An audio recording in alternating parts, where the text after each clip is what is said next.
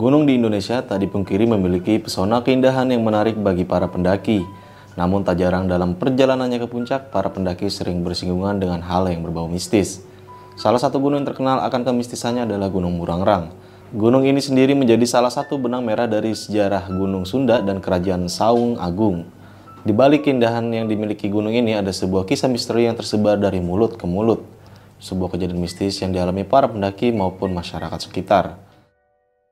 Salah satunya adalah kisah mistis yang dialami seorang pendaki bernama Dwi. Di saat itu Dwi sempat melakukan pendakian seorang diri ketika malam hari. Menurut penuturan Bang Dwi, ia banyak mengalami kejadian di luar nalar pada pendakian saat itu. Mau tahu kisah kelanjutannya seperti apa? Duduk manis, siapkan cemilan, dan selamat mendengarkan.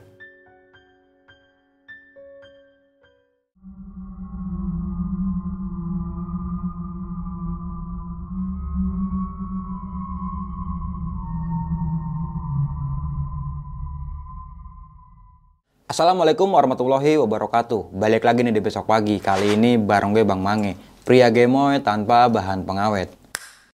Sebelumnya gue sangat berterima kasih banyak buat teman-teman semua yang udah mensupport, menonton dan mendengarkan besok pagi hingga sampai saat ini. Semoga teman-teman semua yang menonton selalu diberikan kesehatan oleh Tuhan yang Maha Esa nih. Pada segmen kali ini gue masih menghadirkan narasumber dan narasumber gue kali ini adalah pendaki asal kota Bekasi nih. Oke, langsung aja nih gue sapa narasumber gue pada malam kali ini. Selamat malam Mas Dwi. Malam Bang Mange. Dwi Woy bukan? Dwi aja. Oh, Dwi aja. Dwi aja nggak pakai Woy. Nggak pakai Woy ya? Nggak pakai Woy. Sehat nih Mas Dwi? Alhamdulillah sehat. Alhamdulillah sehat ya. Kesibukannya lagi apa sekarang nih? Eh, kerja aja Bang, Masih biasa. kerja? Masih kerja biasa. Oke. Eh, ya daki gunung kalau lagi sempat aja lah. Hmm, kalau lagi libur baru naik gunung dia. Siap. Oke, betul. dan sebelumnya udah pernah cerita juga nih Mas ya? Udah sebelumnya Oke, itu di Gunung Salak. di Gunung Salak itu kejadiannya. Nah, pada segmen kali ini mau menceritakan sebuah pengalaman pendakian di gunung mana nih Mas? Di Gunung Burangrang.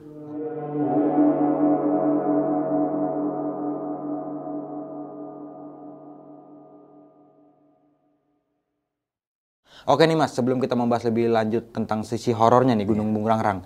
Menurut Mas Dwi, kayak gimana sih Mas dari segi keindahannya nih tentang Gunung Burangrang itu? Kalau menurut gua ya Bang, eh, Burangrang itu salah satu gunung yang bisa kita nikmatin banget keindahannya. Karena eh, selain kita dakinya nggak cukup eh, tinggi ya, karena Gu- Burangrang itu kan masih 2000 2000 ke atas ya, tapi nggak nyampe 2500. Hmm. Nah pada saat itu memang pemandangannya sih indah banget gitu, apalagi pas udah nyampe puncak itu lautan awannya tuh dapat banget deh. Bisa ngeliat kota Bandung ya dari Bisa situ. ngelihat kota Bandung, bisa ngelihat eh, gunung Tangkuban Perahu dari situ, lu bisa ngelihat Purwakarta pada semuanya bisa kelihatan. Oke, dan kita nggak bisa pungkiri lagi nih Mas, bahwa saja sebuah keindahan itu pasti ada segi negatifnya ya atau horornya nih. Betul. Oke, namun sebelum menyimak lebih jauh nih tentang cerita yang akan diceritakan oleh Mas Dwi pada malam kali ini, jangan lupa di subscribe, like, comment, and share. Jangan lupa juga nyalakan loncengnya agar teman-teman semua nggak ketinggalan video terbaru dari besok pagi. Dan bagi teman-teman semua yang mempunyai cerita mistis pendakian dan pengen berbagi pengalaman kalian di sini, bisa langsung aja kunjungi di Instagram besokpagi.idv. Mau nggak mau, suka nggak suka, bahwa harga IP itu ada di sekitar kita. Tanpa berlama-lama lagi, langsung aja kita masuk ke ceritanya.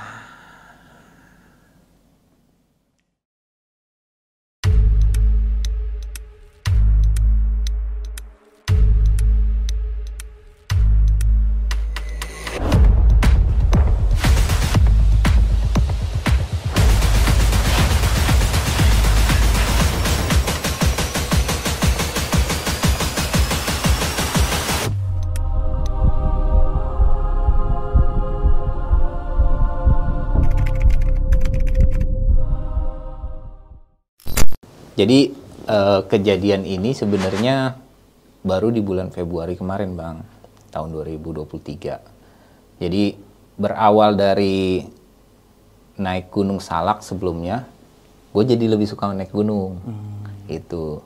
Nah, sebenarnya eh, mau ke Bungrang-rang ini agak eh, buat ngajak teman-teman aja sih di awalnya. Jadi gue udah set sebenarnya mau ngajak teman-teman buat ke Burangrang. Tapi sebelumnya gue mau survei dulu nih sendiri ke Burangrang. Jadi kejadian ini sebenarnya eh, terjadi pada saat gue lagi survei. Nah, gue berangkat itu dari Bekasi itu tanggal 16 Februari itu gue naik kereta naik kereta mulai dari jam 6 dari stasiun Bekasi gue jalan tuh naik kereta sampai ke Cimahi gue berhenti di Cimahi awalnya gue tuh niat mau dua malam bang. Di Burangrang itu mau ah, gue nggak dua malam deh. Di Burangrang lumayan. Sekalian weekend kan. Setahu gue waktu itu Sabtu itu jatuh pada hari libur. Jadi niatnya gue mau hari Kamis malam gue naik terus Jumat gue turunnya pas Sabtu. Sabtu. Nah pada saat gue nyampe stasiun ternyata udah terlalu malam. Itu udah sekitar jam 11 malam lah gue nyampe stasiun Cimahi. Dari situ gue naik ojek ke arah atas. Kalau mungkin uh, teman-teman di sini ada yang tahu gitu atau penonton di sini yang tahu uh, biasanya tuh kalau ke Burangrang itu naik dulu ke arah sekolah kepolisian. Di situ dekat uh, Kopassus juga. Nah pada saat udah nyampe sana ternyata udah terlalu malam bang. Udah jam hampir masuk jam 12 lah. Gue pikir-pikir lagi kayaknya kalau gue masuk jam uh, naik jam segini wah aku mau nyampe jam berapa? Pertama gue mikir karena ini pertama kali gue solo. Mm -hmm. uh, terus yang kedua udah terlalu malam dan juga mungkin base camp pendakiannya udah tutup gitu. Pos penjaganya udah tutup. Nah karena gue juga bawa peralatan nggak nggak lengkap jadi gue harus sewa eh, apa namanya tenda pada saat itu. Ya udah gue putuskan ya udahlah gue nginep dulu deh di penginapan penginapan sekitar gitu. Akhirnya gue putuskan ya udah gue nginep di penginapan deket uh, area Kopassus gitu. Di situ gue nginep dulu semalam masih ya, berberes diberes siapin siapin buat besok. Nah lanjut besok paginya gue mulai bang jalan sekitar jam 8 lah. Jam 8 gue siapin terus gue mampir dulu lah ke supermarket buat beli logistik. Hmm. dari situ gue baru naik ojek ke arah base camp Legok Haji jadi sedikit cerita uh, di Burangrang itu ada beberapa base ada berapa uh, jalur jalur. ya? Se ada Kopassus dan itu setahu gue dilarang. Mm -hmm. kalau jalur Kopassus. Jadi ada jalur Legok Haji kalau dekat situ sama jalur Mentari. Cuma yang paling dekat uh, dengan penginapan gue waktu itu adalah jalur Legok Haji bang.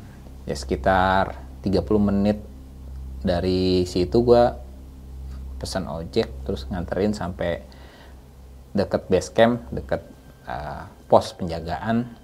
Nah gue juga baru ingat ternyata uh, pas gue nyampe sana tuh jamnya orang jumatan. Gitu. Jadi base camp agak sepi lah. Ya di posko itu agak sepi. Tapi ya seperti biasa lah si Maxi. Habis itu gue karena gue harus sewa ya tenda. Jadi gue mampir dulu situ mulai jam berapa ya? Sekitar jam 10-an lah. Gue nyantai-nyantai dulu sewa tenda dulu nungguin juga gitu. Sambil nyantai dulu sambil sarapan. Masih nyantai tuh bang. Suasana juga ya cerah lah mm-hmm. hari itu hari Jumat. Nah seperti biasalah sebelum memulai pendakian biasanya kan uh, karena pada saat itu hari Jumat gue putuskan juga. Itu gue start track itu jam satu aja. Jadi tunggu orang selesai Jumatan dan gue juga waktu itu ya gue sholat juga dulu baru setelah selesai itu baru jalan. Hmm. karena pertama kalinya gue ke Gunung Urang dan pertama kalinya gue solo. Jadi ya nanya-nanya dulu lah di bawah. Nanya-nanya dulu gimana uh, tracknya begini posnya berapa lama hmm. dari setiap pos berapa lama. Akhirnya gue nanya-nanya dulu. Nah persis jam 1 lewat 15 gue mulai jalan suasananya ya seperti biasa ya bang pemandangan yang indah lo mau mulai trek terus cerah nggak ada mendung Eh, ya seperti layaknya kita mendaki lah. Eh, dari mulai pos itu sampai ke pos 1 itu kurang lebih sekitar 30 menit lah. Ya kalau ada yang tahu jalur Lego Haji pasti mereka paham ya jalurnya. Nah pada saat gue udah jalan, karena gue solo ya bang, bawaannya berat banget itu. Eh, bawaan berat, jadi gue agak nyantai. Gue memang eh, udah rencanain nyantai aja jalannya. Estimasi ya mungkin kalau telat-telatnya 4 jam lah. Nah, di pos 1 itu sempat ketemu pendaki lain yang lagi turun.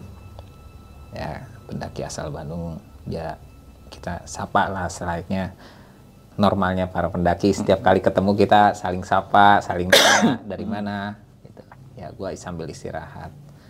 Nah, gue tanya tuh sama pendaki, "Eh, di atas ada yang ngecamp nggak? Atau ada pendaki lain nggak? Wah, setahu saya nggak ada, bang. Kita sendirian nih berdua, dia bilang. Berdua doang nih, katanya. Berdua doang yang baru turun. Kita tadi berangkatnya pagi, tektok. Ya, baru istirahat katanya di pos 1 lagi pas mau turun. Oh ya udah. Ya sambil ngobrol-ngobrol lah. Nanya dari mana, terus udah pernah daki ke mana aja. Nah akhirnya setelah gue pikir-pikir, kita gue lihat jam, ternyata wah gue udah cukup lama nih istirahat sekitar 30 menit. Akhirnya gue lanjut lagi. Lama perjalanan itu memang nggak ada siapa-siapa bang, sepi. Jalur itu sepi, ya paling gue ketemu, sempat ketemu warga turun. Nah, jalan dari pos 1 itu ke pos 2 itu cepet bang. Paling cuma ya selama lamanya 30 menit lah. 20 sampai 30 menit. Gue nyampe pos 2 istirahat lagi masih siang tuh. Jadi karena masih siang jadi gue putuskan untuk nyantai lah. Jalan nyantai. Terus sambil siapa tahu nih ada pendaki lain yang yang ikut naik ya kan. Karena lumayan ada teman ngobrol gitu. Nah di pos 2 itu baru tuh masuk eh, vegetasinya udah lumayan tuh.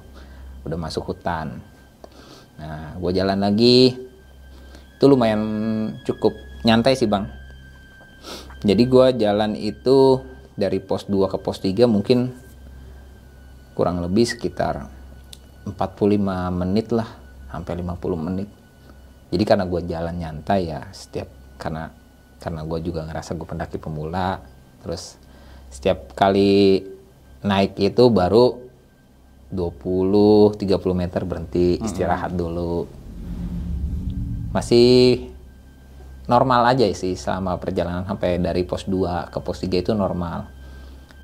Jalan biasa sih kita. Nggak ada hambatan lah karena juga masih sore ya. Nah di pos 3 itu sempat istirahat lumayan lama tuh bang. Karena gua ngerasa wah ini ini eh, jalur nanjak terus nggak ada landainya. Jalurnya Burangrang via Lego Kaji kok nanjak terus ya udahlah. Mau gimana lagi? Sempat kepikiran buat turun bang. Karena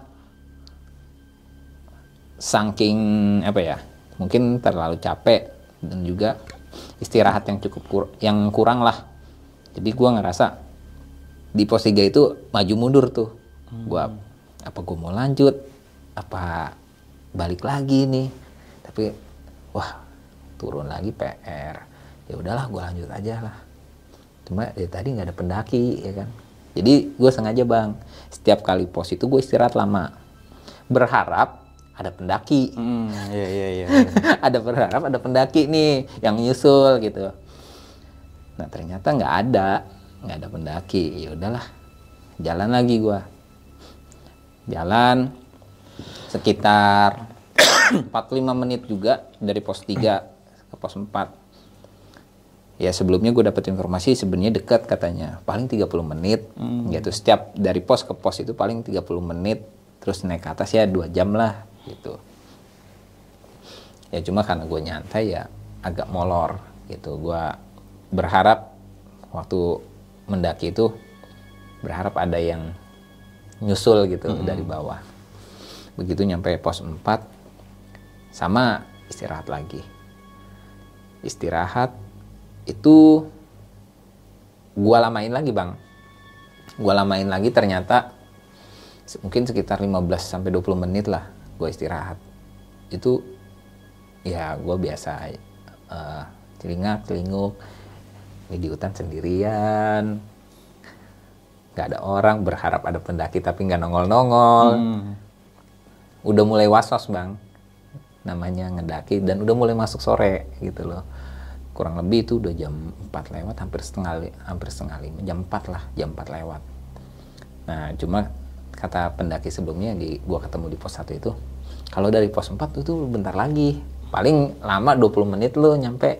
Oh gue pikir oh ya udahlah siapa tahu di atas ada pendaki lain nih dari jalur lain nih. Entah dari jalur mentari atau jalur pangyotan gue berharap sih bisa ketemu gitu sama pendaki lain karena gue jal- jalan dari jalur Legok Haji itu bener-bener nggak ada siapa-siapa jadi bener-bener sendiri aja gitu di di jalur itu Bener-bener solo hiking ya mas. benar-benar solo hiking. Kalau solo hiking ketemu pendaki lain sih seru bang. Ini solo hiking nggak ketemu siapa-siapa kan? Jiper juga. Udah nyampe pos 4 nggak ada siapa-siapa ya kan? Kalau malam sih ya normal ya. Kita solo hiking malam nggak ketemu siapa-siapa ya itu ya emang lumrah. Tapi siang kok nggak ada siapa-siapa. Enggak So- iseng gitu mas gitu mas. kalau iseng sih pasti ada bang. Ketakutan itu pasti ada lah. Kita sebagai naluri manusia ya bang, eh, lu berada di di satu gunung di dalam hutan sendirian, nggak ada siapa-siapa, pasti rasa ketakutan itu pasti ada. Ya jujur gue juga mengalami hal tersebut, eh, ketakutan itu.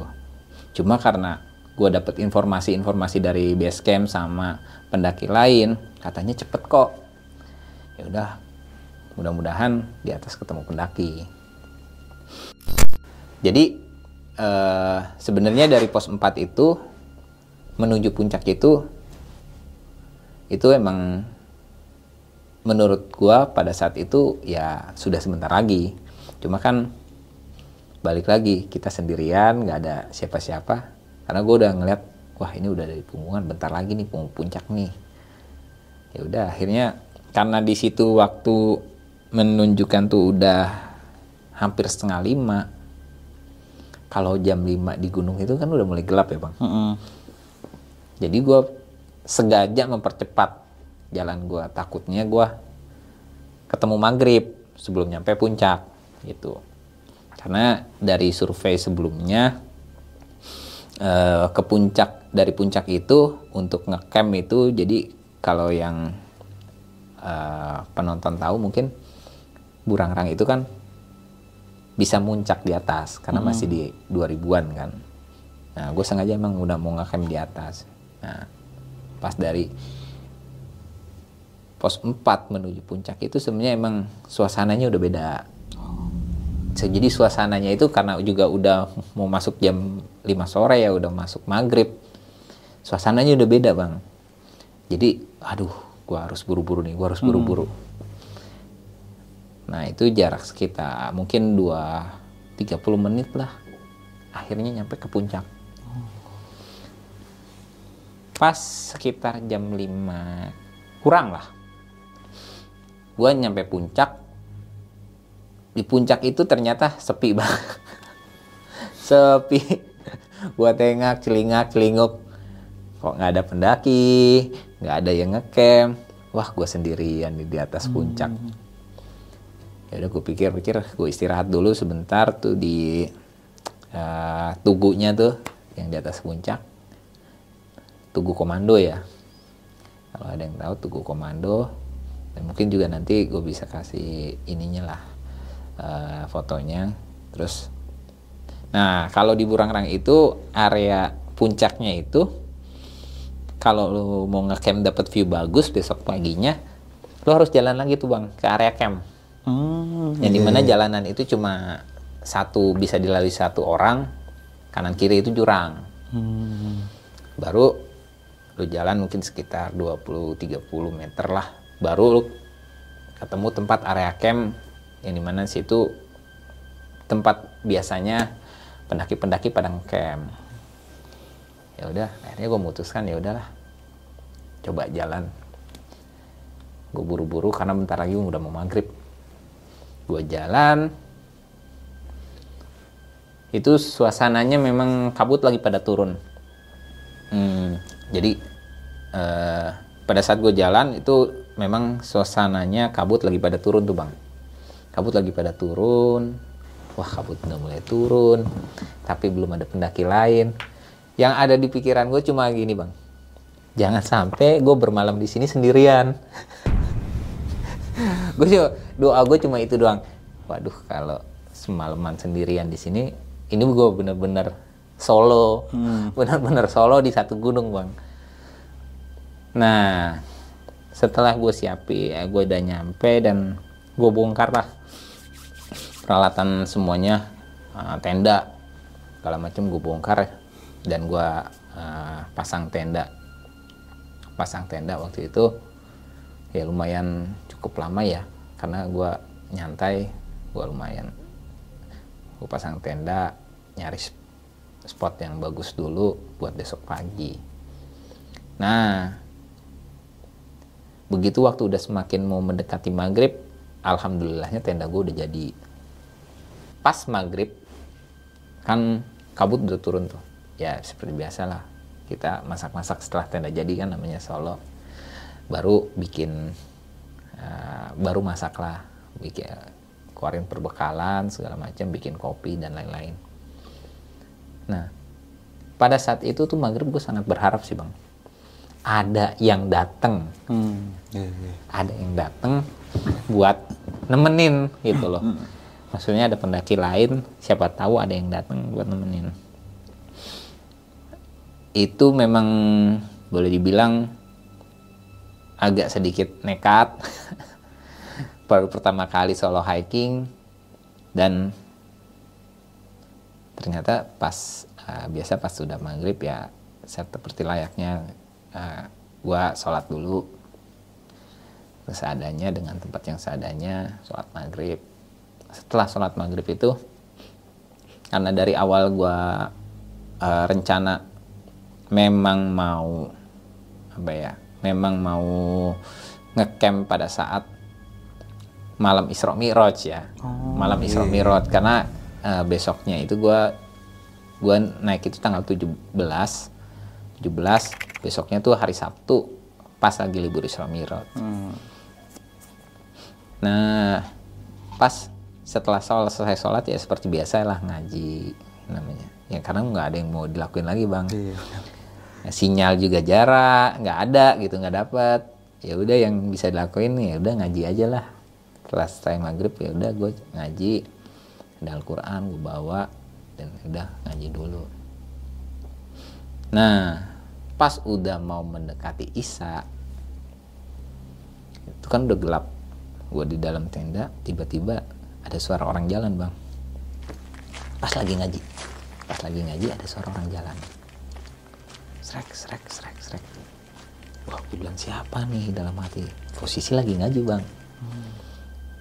Siapa ini kalau gue mikir pendaki tapi pendaki kok nggak ada center udah malam gini. Nah pas gue lagi suara itu makin deket tiba-tiba dia ngomong assalamualaikum. Waalaikumsalam. Gue respon jawab tapi gue belum berani buka tuh bang. Hmm. buka tenda. Orang bukan orang bukan akhirnya pas gue lihat ternyata orang bang pendaki dua orang. Hmm. tapi dia nggak bawa penerangan. Hmm. dia bermodalkan lampu handphone okay, flash handphone. dalam hati gue ini pendaki antara gak ngerti apa nekat pakai flash handphone ya. Hmm. ya tanya dari mana? Dari situ ah pada larang. Oh ya udah. Baru nyampe? Iya. Emang gak bawa center nggak ah kita kemalaman katanya berangkat dari Mentari itu udah jam 5 katanya. Hmm. Oh, ya udah. Beres-beres aja dulu. Apa namanya bikin tenda, nyantai aja dulu. Oh ya udah. Nanti saya bantuin deh ya gue bantuin tuh bang gue berhenti ngaji ya akhirnya gue bantuin tuh bang gue berhenti ya udah gue berhenti ngaji dulu ya udah gue bantuin tuh karena dia nggak punya penerangan kan akhirnya gue bawa center lumayan ada dua lah satu gue pakai buat khusus uh, bantuin mereka dirin tenda nah dua orang ini pendaki ini santri ternyata. Anak pesantren anak pesantren yang cuma libur pada saat uh, hari hari kebesaran atau hari raya Islam dia baru bisa libur makanya dia mendaki. Nah perasaan udah agak tenang tuh bang gua wah akhirnya Ada kawannya ya? akhirnya ada Iya. kawannya. Akhirnya ada kawannya. Ya udah setelah gue bantuin itu ada mungkin sekitar setengah jam lah gue bantuin dua orang pendaki ini buat pasang tenda. Abis itu yaudah silakan masak aja. Nah, gue balik lagi ya ke tenda gue bilang. Yaudah ah, makasih ya. Udah gue balik lagi. Nah karena posisi itu udah isa. Udah isa. Ya udah gue lanjut bang. Wah kata gue udah isa nih. Gue mau sholat lagi aja deh. Akhirnya gue sholat isya dulu. Nah setelah selesai gue sholat isya gue ngedengerin tuh ada suara orang rame-rame. Itu selesai. Setelah gue sholat isya gue dengerin suara orang rame. Dan gue denger ada suara bayi. Sama perempuan. Tapi samar-samar. Jadi gua nggak jelas ini eh, pendaki atau apa ya. Gue dengerin aja. Eh iya loh ada suara perempuan sama bayi ya kan? Tapi masa iya? Perempuan bawa bayi. Malam-malam gini ke atas gunung. Gue gue mikir terus tenda sebelah tuh santri itu dia nyaut bang kayaknya ada yang naik tuh bang. Oh iya kayaknya. Saya juga denger. Oh. wah rame. Kayaknya ada cewek juga tuh. Dia bilang kayak gitu. Iya iya. Kayaknya rame-rame nih. Oh, ya udahlah. Lumayan lah bang. Kita ada yang nemenin. Gitu. saling saut tuh bang. Gue dalam tenda dia dalam tenda. Nah jeda mungkin 2-3 menit lah setelah kita saling saut itu datang tuh bang pendaki. Cuma kayak lari mereka. Pendaki itu setelah gua perhatiin gua keluar tenda gua bawa senter gua perhatiin. Kok pada lari? Gua refleks ya bilang. Woi jangan lari. Santai santai santai santai. Jangan ada yang lari. Karena gua tahu itu jurang bang. Hmm, gitu. ada jalur cuma bisa satu orang kanan kiri jurang. Gue mikir wah ini bahaya nih kalau eh, ada yang celaka atau gimana. Nah akhirnya mereka udah semua datang dan gue senterin tuh bang satu-satu bang. Gue pikir ada perempuan. Ternyata di antara rombongan tersebut mereka enam orang. Nggak ada perempuan sama sekali. Laki-laki semua mas. laki-laki semua. Dan nggak ada bayi Karena gue dengar jelas itu suara tangisan bayi dan suara perempuan. Mereka tuh mukanya muka yang ketakutan semua bang. Enam enamnya tuh semua mukanya ketakutan. Terus gue suruh istirahat dulu istirahat dulu istirahat dulu. Iya dia akhirnya salah satu dari mereka yang iya kita di digangguin. Hah digangguin siapa dibawa A digangguin. Cuma dia berani ngomong bang. Nah yang namanya namanya pendaki ya mereka masih punya apa ya mitos kalau misalkan digangguin diem. Nggak mau cerita. Iya, nunggu nyampe bawah.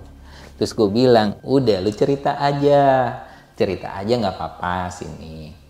Daripada lu pendem pendem pendem nggak diceritain yang ada lu semalaman ketakutan. Gitu Sebelum lanjut ke cerita, untuk kalian yang ingin menjadi narasumber di besok pagi dan mempunyai cerita horor dalam pendakian, kalian bisa kirim cerita kalian ke Instagram official besokpagi.idv atau melalui email besokpagi.ch@gmail.com.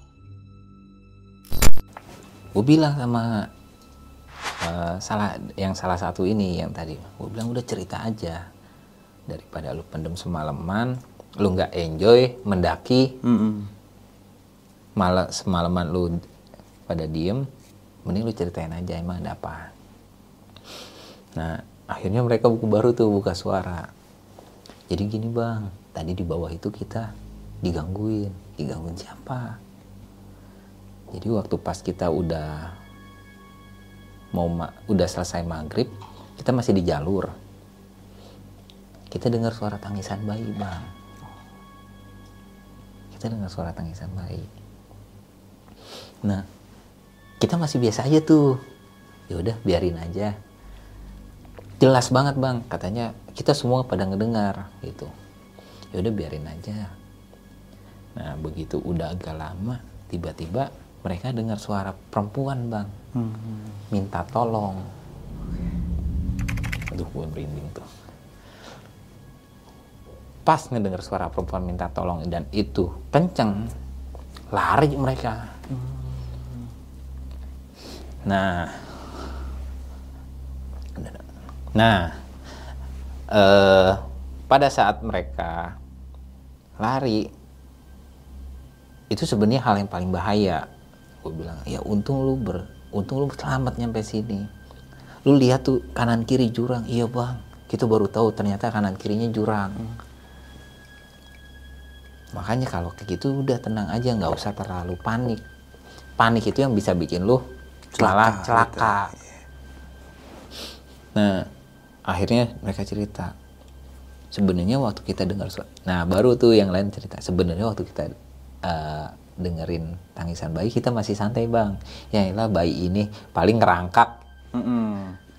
dalam hati gua ini nih pendaki sompral nih.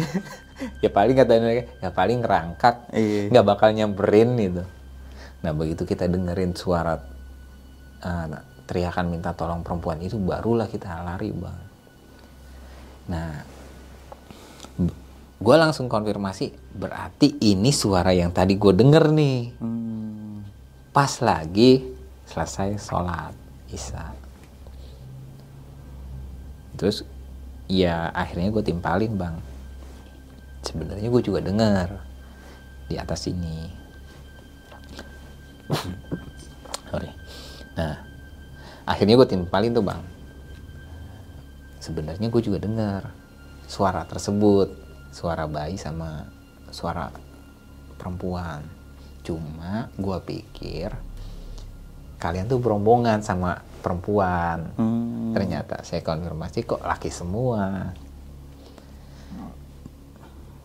Malam itu memang ada sedikit keanehan. Keanehannya eh, ternyata mereka itu semua santri bang. Yang berenam santri sama yang dua orang tadi santri. Oh. gue pikir ini kok santri semua yang datang? Tapi ya nggak apa-apa lah yang penting ada teman. Ya, karena gue pikir gue nungguin orang tuh dari sore nggak ada sama sekali yang datang. Yang baru datang akhirnya pada saat maghrib dan juga pada saat ah, setelah isya nah cuma rasa penasaran itu dengan suara perempuan sama suara bayi itu ah, makin kuat ini ini sebenarnya apaan? gitu. Eh, jadi udah mulai berkurang. Nah gue sengaja masuk ke dalam tenda. Di dalam tenda ini sebenarnya gue wiritan Hmm. jikir lah gue jikir segala macam. Nah keanehannya pada saat gue jikir itu gue merembang setengah sadar. Sebenarnya waktu pas di tenda itu gue lanjut sebenarnya jikir bang. Gue jikir ya seperti alhamdulillah lah terus gue alhamdulillah alhamdulillah subhanallah subhanallah subhanallah. Gue ngelak bener-bener niatnya memang malam Isra Mi'raj itu mau tadabur. Mm-mm. Nah, pada saat dalam zikir itu antara sadar dan nggak sadar bang, karena terlalu santai, tiba-tiba muncul bang sosok kakek-kakek berpakaian putih persis di pojokan dekat uh, kalau di uh, Burangrang itu ada kayak yang bendera dia sebelahnya deket. Jadi ini tenda gua ini tenda santri terus tenda santri di sininya uh, Tiang bendera. tiang bendera. Persis kakek kakek itu mojok. Jadi gue juga nggak tahu sebenarnya apakah si santri-santri ini ngelihat juga atau enggak. Tapi pas gue lagi pikir sebayang-bayang kok ada kakek-kakek? Dia kakek-kakek udah sepuh. Berpakaian syekh gitu haji itu putih-putih pakai sorban. Yang dia ucapin gini assalamualaikum nah terus akhirnya gue jawab waalaikumsalam kek. Udah ya sekarang kamu ditemenin sama santri-santri oh iya kek. Tapi batinku masih nanya tuh bang ini siapa? Dia bilang kakek yang jaga gunung ini. Waduh Gua bilang ya tenang aja kamu nggak usah takut katanya. Kakek yang jaga gunung ini ini masih wilayah pajajaran. Di situ gue sempet diem bang gue diam aja. Masih belum tahu nih siapa ini kakek-kakek. Mau eh, tanya ya udah cuma bisa bertanya dalam hati ya. Udah. Dia bilang udah kamu tenang aja malam ini kamu ditemenin. Ini ada 8 orang nemenin kamu kok nanti malam ada lagi yang nemenin. Tenang aja nggak akan sendirian katanya. Gue langsung teringat bang sama kejadian si rombongan enam orang ini. Hmm. gue tanya sama kakeknya kek maaf sebelumnya. Ini yang tadi enam orang ini kenapa digangguin tadi? Si kakeknya senyum. Dia bilang gini oh itu mah ya biasa. Itu ya salah satu yang penghuni sini. Ya itu karena mereka kelewatan bercandanya. Hmm. gue baru nggak bang. Oh iya mungkin aja ya karena mereka kelewatan.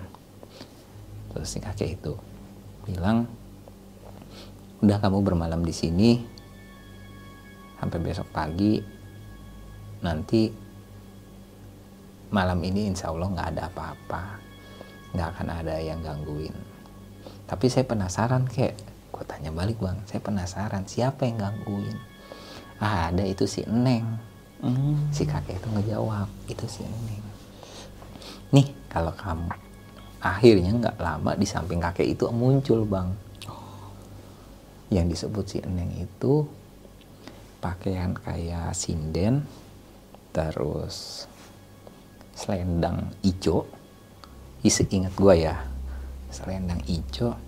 Terus dia ngomong gini mohon maaf saya nggak tahu karena anak-anak tersebut tadi eh, bercandanya kelewatan.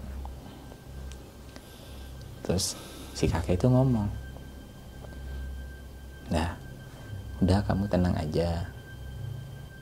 Pokoknya kalau ada apa-apa kamu bisa panggil mereka. Pertanyaan dalam hati gue bang. Maksudnya apa? Iya kalau kamu ada apa-apa kamu panggil aja mereka. Mereka nurut kok. Maksudnya nunjuk ke si neng ini. Oh. di situ gue makin bertanya-tanya bang ini apa maksudnya si kakek? Tapi nggak lama si kakek itu ngucapin salam dan hilang. Gue juga kaget akhirnya. Gue kaget.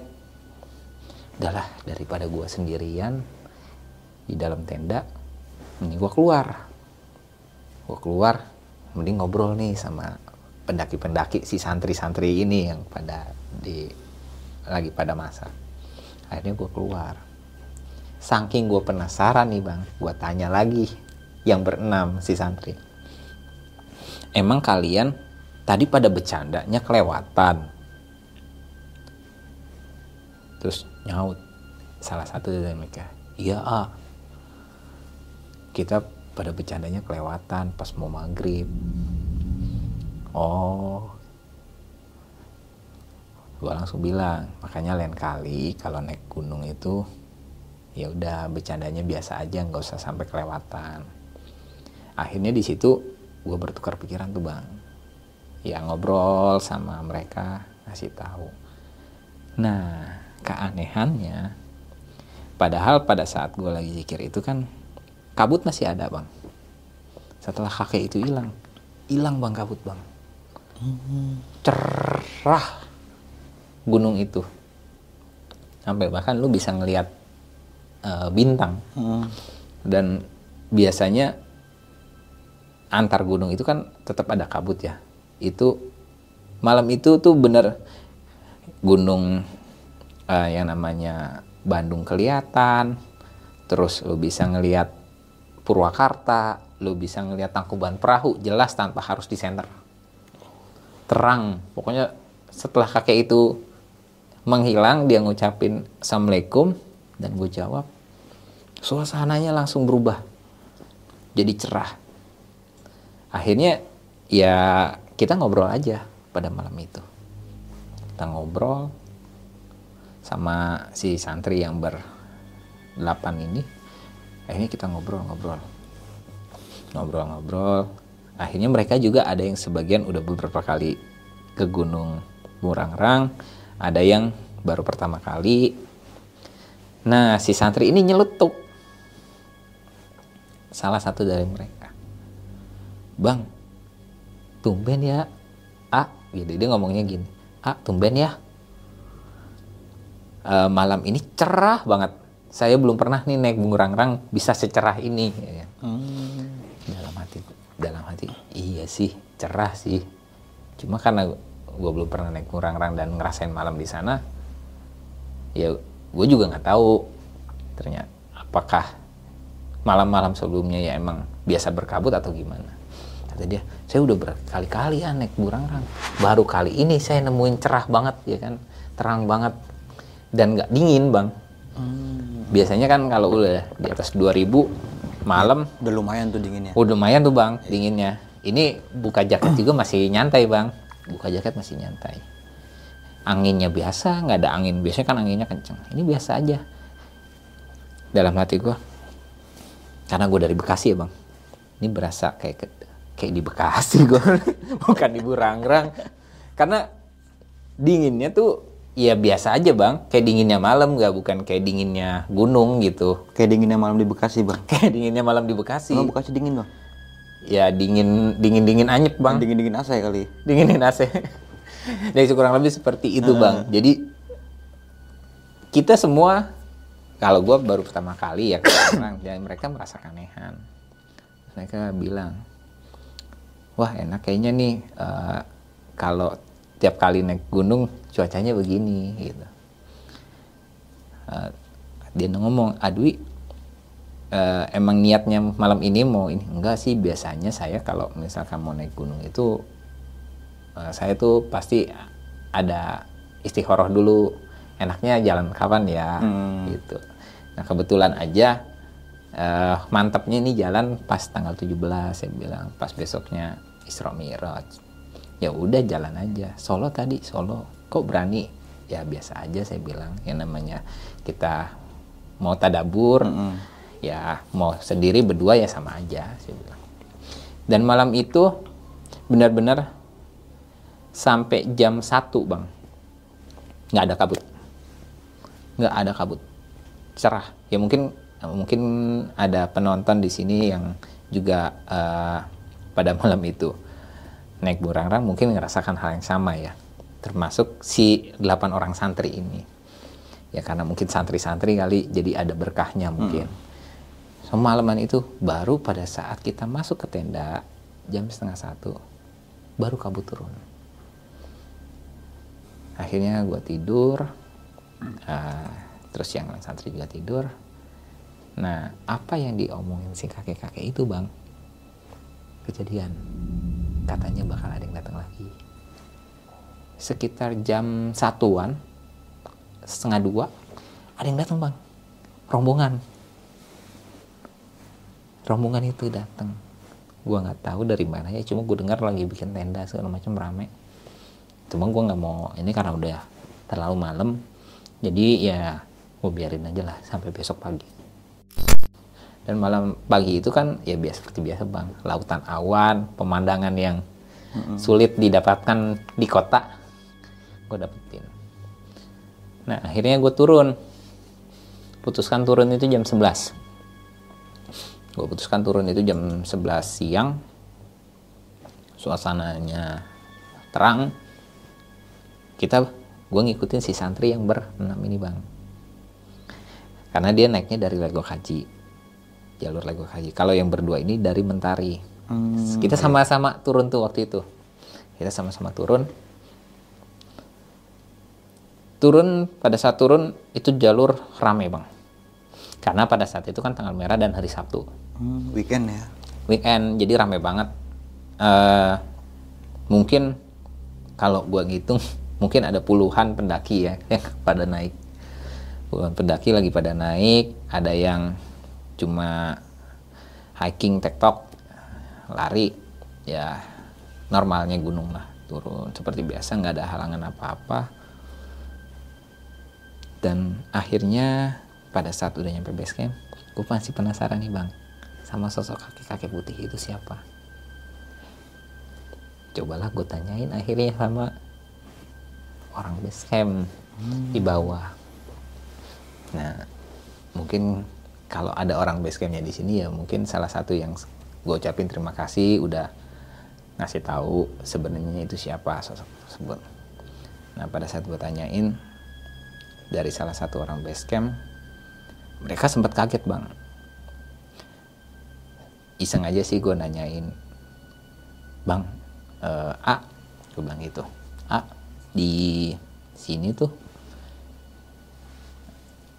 penunggunya ini ya. Syekh ya. Pakai jubah putih. Dia langsung pada nengok bang. Si orang basecampnya ketemu di mana? Katanya. Hmm, gue gue bilang gue ketemu di puncak bang. Ah saya bilang gitu. Ah saya ketemu di puncak. Dia bilang iya itu namanya Abah Haji kalau orang sini bilang namanya Abah Haji. Uh, beliau yang menunggu gunung ini. Hmm. si A-nya emang semalam nginep di atas iya saya bilang. Kata dia kok tumben di atas? Biasanya tuh pendaki-pendaki itu ketemunya di pos 3 dan sebenarnya akhirnya gue mengetahui bang ada beberapa pantangan di Gunung Burangrang yang nggak boleh dilakukan.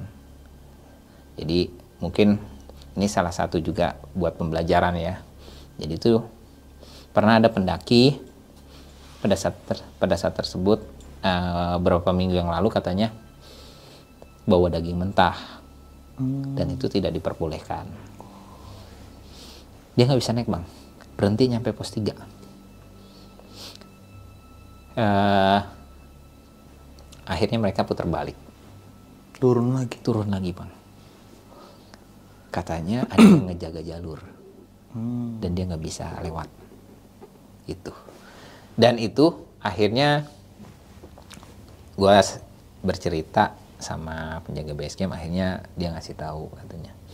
Di sini sebenarnya pantangannya normal-normal aja.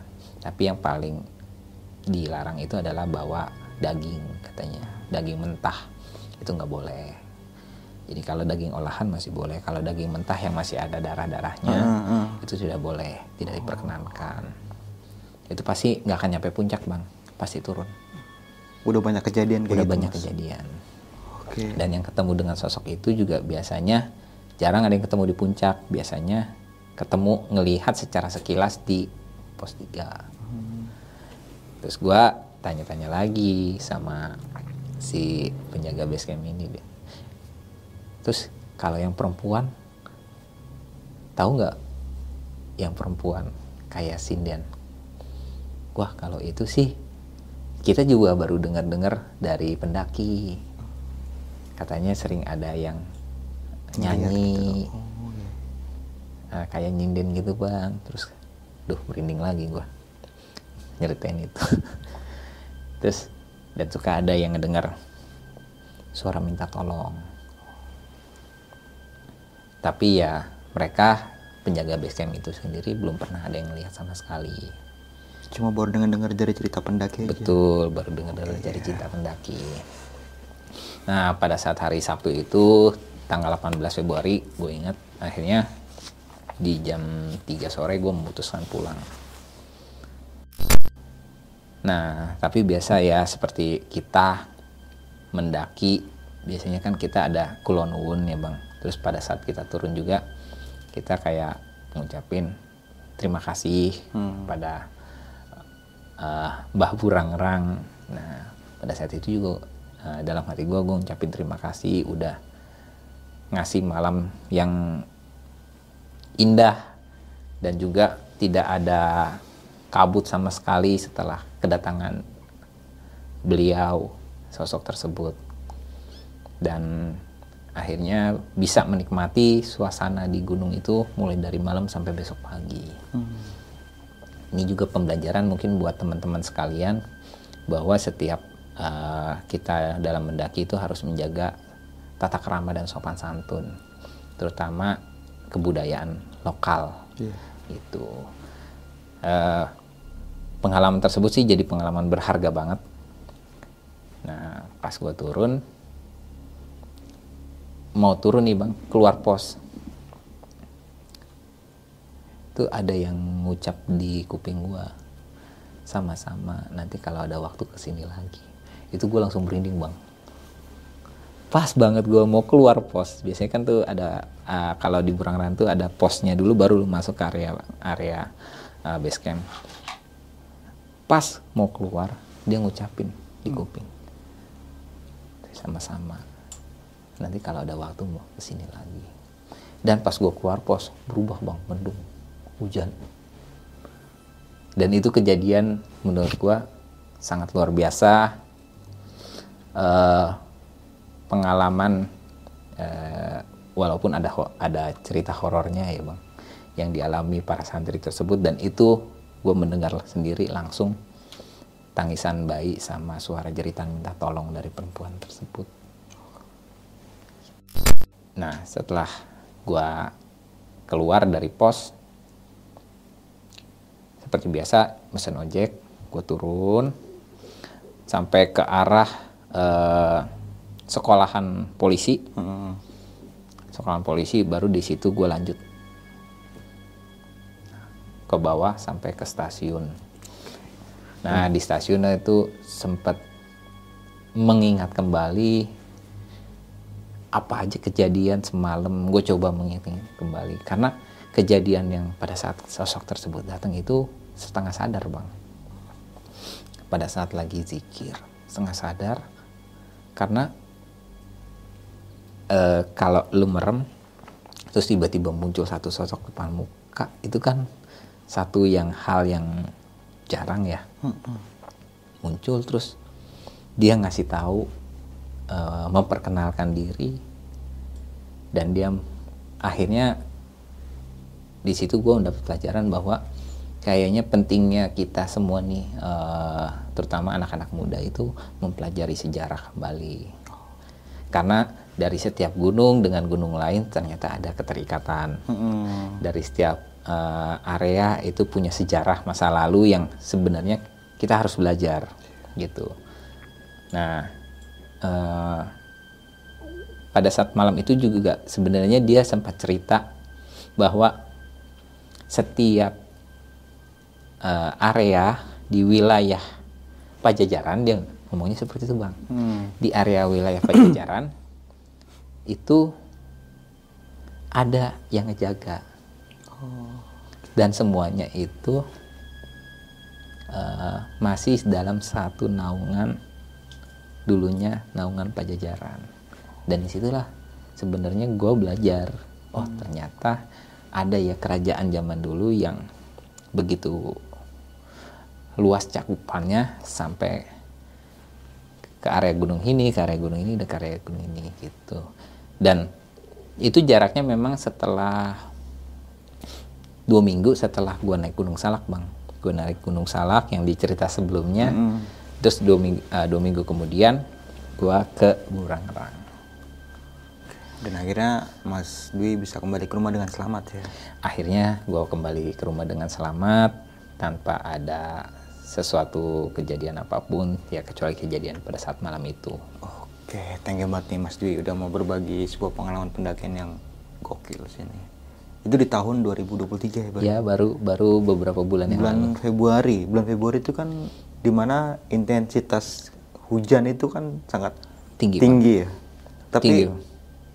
cerah pada malam itu. Eh, pada saat Jumat sampai ke Sabtu siang itu cerah. Sedangkan besokannya kan Minggu ya. Dan puncak itu rame, Bang. Oke, itu dihujanin tuh. Hujan. Dihujanin tuh semuanya. Oke nih, Mas Dwi mau nanya-nanya nih tentang pendakian nih pada saat Ya. itu ya. Ini kan awalnya kan berencana buat sub, apa sih? Survei. survei tempat ya. Betul. Dan itu kejadiannya atau secara nggak langsung berarti solo hiking ya. Niatnya kan solo hiking ini kan mungkin ada barengan nanti di base camp atau Iya, di jalur ya. betul. Tapi yang Mas Dwi alami itu nggak ada sama sekali pendaki. Sama sekali. Dari base camp sampai puncak sampai tempat camp ya. Sampai tempat camp, Bang. Dan itu baru ada pendaki Malam. maghrib ya. Maghrib. Baru ketemu dua orang santri sama enam orang juga santri ya. Enam orang santri. Tapi setelah sur- survei tempat itu akhirnya berangkat ke sana lagi mas. Nah, malah setelah survei itu, gue batal bang acaranya. Mau berangkat lagi ke sana, malah jadi batal. Karena karena ada suatu hal ya, akhirnya nggak jadi bang, nggak jadi dan batal. Tapi eh, kejadian yang menganehkan itu ya bisa ditemenin dengan para santri ini. Dan semuanya itu pada saat di atas itu semuanya ngaji bang si santri-santri ini.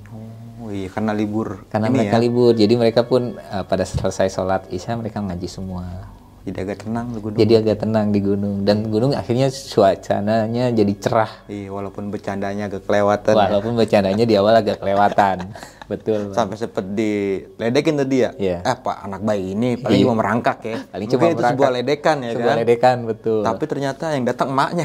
datang emaknya Dan itu dia ber- berarti eh, ngedengar suara perempuan itu minta tolong mas. minta tolong karena jelas bang gue juga ngedenger di atas gue ngedenger Iya. suara perempuan itu eh, cerita minta tolong samar-samar terdengar Hmm. suara bayi pun terdengar Oh, ber- berbarengan dengan suara santri ini mungkin. ya? santri ini Oke, dan mungkin menurut Mas Dwi pada saat malam itu ya dengar suara itu rombongan pendaki yang ada perempuannya mungkin. Mungkin. Pemikirannya ya. Betul. Tapi pas sudah sampai tempat area camp, gue konfirmasi tuh gue center-centerin semua bang laki-laki semua. laki-laki semua ternyata Oke, dan ternyata yang menurut usut punya usut perempuan ini yang sinden itu mungkin Mas. betul Oke, gokil ya.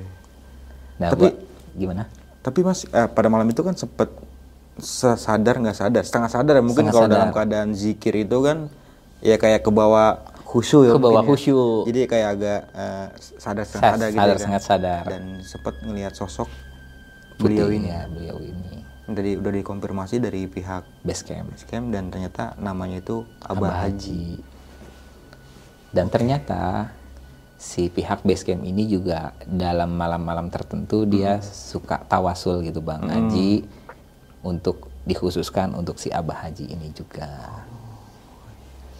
sampai sekarang pun gue mencoba mencari literasi tentang si Abah Haji ini tuh sebenarnya siapa masih belum dapet sih Oke. Mungkin teman-teman semua ada yang tahu kali ya, bisa Mungkin komen ya, aja ya. betul, atau mungkin komen. langsung japri ke IG-nya Mas Dwi, aja ya, Dwi nggak takut horor apa gimana tuh? Tidak takut setan. Tidak takut setan. kok kok ada nama IG kayak gitu mas? Iya. Tanya lagi kan berarti kan eh, ada tiga rombongan ya? Betul. Di awal ya? Di awal. Tiga rombongan yang dua orang sama yang enam orang. Yang dua orang ini melewati jalur apa tadi? Legok Haji. Yang dua orang itu jalur mentari Jalur jalur mentari. Yang Iya. enam orang ini legok haji. Akhirnya mas turun bareng tuh ya? bareng Nah sama kalau pendaki yang baru malam-malam sampai itu nggak sempet nanya dari nggak mana? sempat nanya sih. Dia jala, da- jalur dari mana. Hmm, Karena cuma pas pagi aja dikonfirmasi ya. Pagi aja konfirmasi uh, menurut si Abah Haji ini nanti malam akan ada yang nemenin lagi. Valid ya sama omongannya ya. Valid. Omongannya valid. Nah, sama sosok yang Mas Dwi liatin ya, sosok sinden ini Iya. menyerupai baju hijau apa gimana? Eh, jadi eh, kalau secara ini kayak kekuningan gitu bang, kayak Hmm. sinden, tapi ada hijaunya di selendangnya kan biasa selendangnya diikat iya, ya, iya, iya. kayak sele sinden Sunda gitu, ada selendang yang diikat di sini sama di sini. Nah itu an- sininya kuning, sininya hijau. Dan posisi makhluk itu sepet Sempet gini dia ke Abah. ke saya, Oh, ke Mas Ali? iya Oke. dia minta maaf. Hmm. Nah, saya kan sebenarnya cuma mau mengkonfirmasi aja kenapa mengganggu gitu kenapa mengganggu karena kasihan kan kalau terjadi apa-apa sampai salah satu dari mereka ada yang Terjatuh terjatuh terpleset dan akhirnya bisa celaka. Ah, iya benar benar benar benar. seperti itu. Dan dia minta maaf gitu dan dia minta maaf. Ternyata ah, menurut Abah Haji ini sosok perempuan ini si Neng namanya. si Neng dia- eh, si Abah Haji itu menyebutnya si Neng. Oke nih mas. Berarti kan dari awal perjalanan itu sampai atas itu nggak terjadi hal-hal yang aneh mas? nggak ada yang aneh begitu pas di atas Oh ya. mulailah itu setelah Isya Oke. Dan itu ada dokumentasi nggak mas pas pendakian itu? ada Dan nanti bisa disasar aja nih. boleh nanti kita share. Oke nih mas karena waktu udah menunjukkan pukul setengah sebelas ya. Kita udahin aja dulu kali mas ya. siap Obrolan kita pada malam kali ini nih. iya Mas Dwi thank you banget nih udah datang yang untuk yang kedua kalinya ya. betul dan sama-sama berbagi pengalaman. Yang pertama itu Gunung Salak. Gunung dan Salak. Sekarang ini Gunung Bungrang. Bungrang. Gokil sini ceritanya. Mas, sebelum mengakhiri video kali ini punya pesan-pesan nih Mas buat teman-teman semua Mas. ya pesan-pesan buat penonton sekalian eh, penonton besok pagi ya mungkin itu eh, setiap peristiwa itu harus dijadikan pembelajaran terutama peristiwa yang saya ceritakan ini bisa dijadikan pembelajaran bahwa dalam setiap mendaki gunung itu harus pakai dengan persiapan sama kita menjaga etika Ya. jadi dan kita jangan lupa berdoa kepada Tuhan Yang Maha Esa supaya kita dalam pendakian sampai turun atau sampai balik ke rumah itu bisa selamat.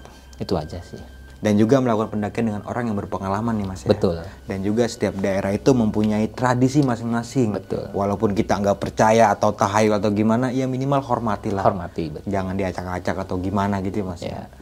Oke, mungkin itu aja nih dari gua Bang Mange dan juga Mas Dwi. Gua pamit undur diri sampai jumpa di video selanjutnya. Assalamualaikum warahmatullahi wabarakatuh. Waalaikumsalam.